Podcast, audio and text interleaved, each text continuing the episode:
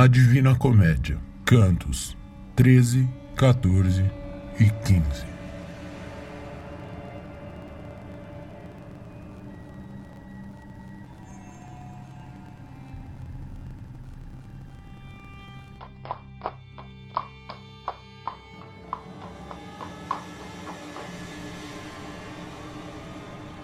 Antes que Nesso tivesse terminado de atravessar o val do Rio de Sangue, já estávamos nós em um bosque, mas não verde, de folhagens foscas, sem frutos, sem ramos e com troncos cobertos de espinhos.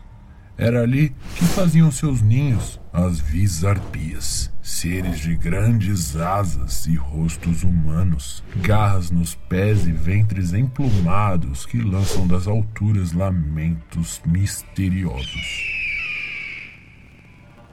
Antes que entres, disse o mestre, saiba que estamos no giro segundo deste sétimo círculo.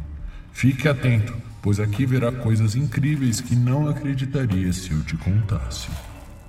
Caminhávamos pelo bosque deserto e eu ouvia vozes de lamento, sem avistar ninguém que pudesse ser a fonte dessas lamúrias. Creio que Virgílio tenha pensado que eu estava achando que as vozes emanavam de pessoas escondidas atrás das árvores. Por isso ele falou: Se arrancar um galinho de uma dessas plantas, mudará o que imagina. Eu, seguindo seu conselho, levei a mão à primeira e dela arranquei um pequeno ramo. Ai, por que me quebra? Gritou o tronco chorando. E depois de se cobrir todo de sangue, disse ainda triste: Por que me atormenta? Não tem piedade? Deve ter mais cortesia, mesmo que fôssemos almas de serpentes. Saía da ferida uma mistura de sangue e palavras, cuspindo e assobiando. Assustado, soltei o galho que eu segurava e permaneci parado, como quem teme. Espírito em desgraça, diga como uma alma se funde com estas plantas e se algum de vocês um dia escapará destes galhos? Perguntou Virgílio. Ao ouvir, a árvore respirou fundo e depois seu sopro se transformou em uma voz que respondeu: Quando alguma alma se separa do corpo por sua própria vontade, Minos a manda para a sétima foz. De lá, cai nesta selva escura, brota como uma semente e cresce, até tornar-se um espioso arbusto. As arpias nutrem-se de nossos galhos e assim nos trazem eterna e intensa dor. Antes de partir, a minha compaixão pela alma me levou a recolher os galhos espalhados e devolvê-los àqueles ao tronco, que agora permanecia calado.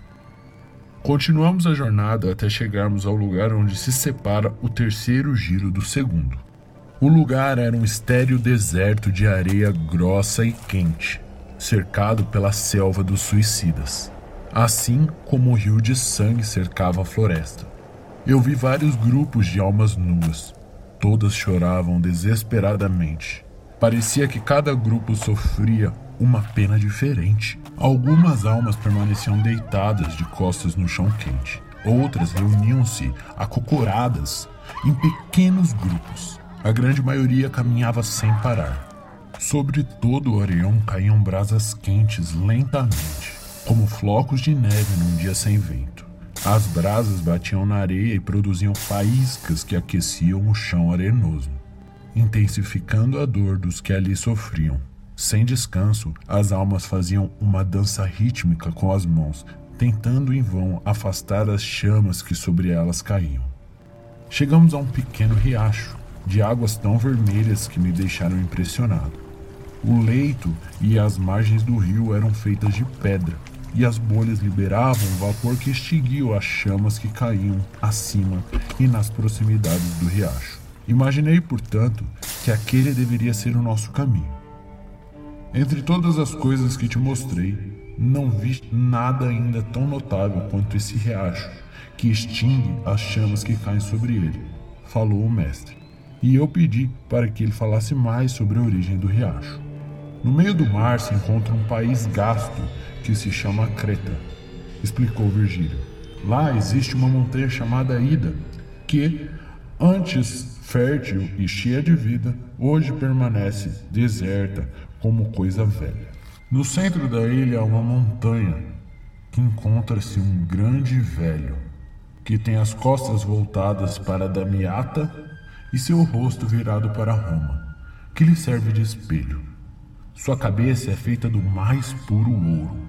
De pura prata são seus braços e peito, e de cobre dali até onde começam as pernas. O resto é todo de ferro, exceto seu pé direito, que é de argila, sobre o qual apoia a maior parte de seu peso. Todas as suas partes, exceto a de ouro, estão podres, rachadas por uma fissura por onde fluem lágrimas que descem até os seus pés, onde elas se unem e cravam uma gruta.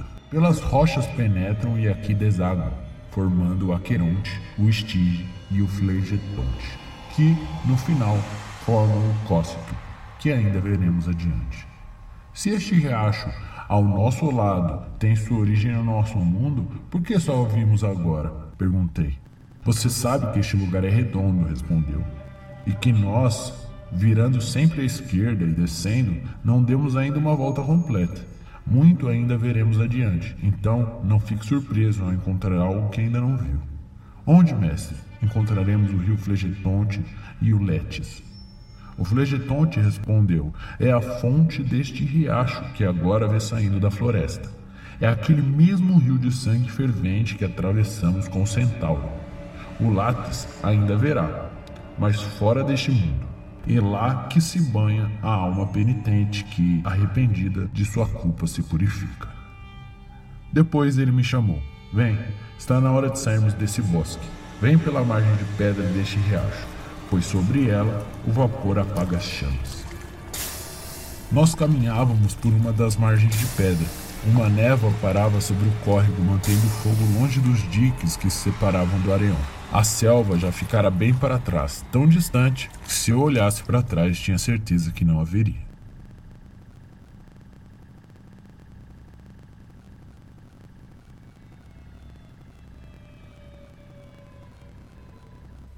Símbolos do canto 13, 14 e 15.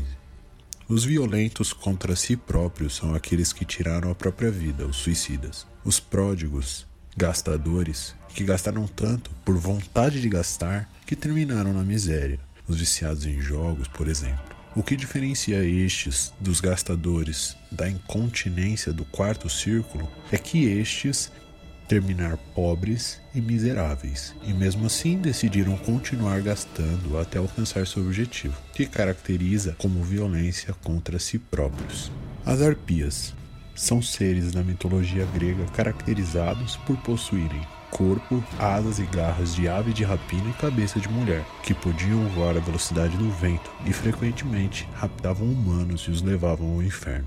Os violentos contra Deus, a natureza e a arte, estes são torturados no deserto. O Areão é o oposto da arte e da natureza, do mundo criado por Deus. Ele é estéril e sem vida, é atravessado por rios de sangue e vive sobre chuva permanente de brasas. Os pecadores vivem num mundo sem cor, sem conforto e sem esperança. É um mundo que desejaram ter quando em vida rejeitaram tudo que Deus, a natureza e a arte lhes ofereceu, preferindo dar maior valor às coisas materiais o deserto incandescente.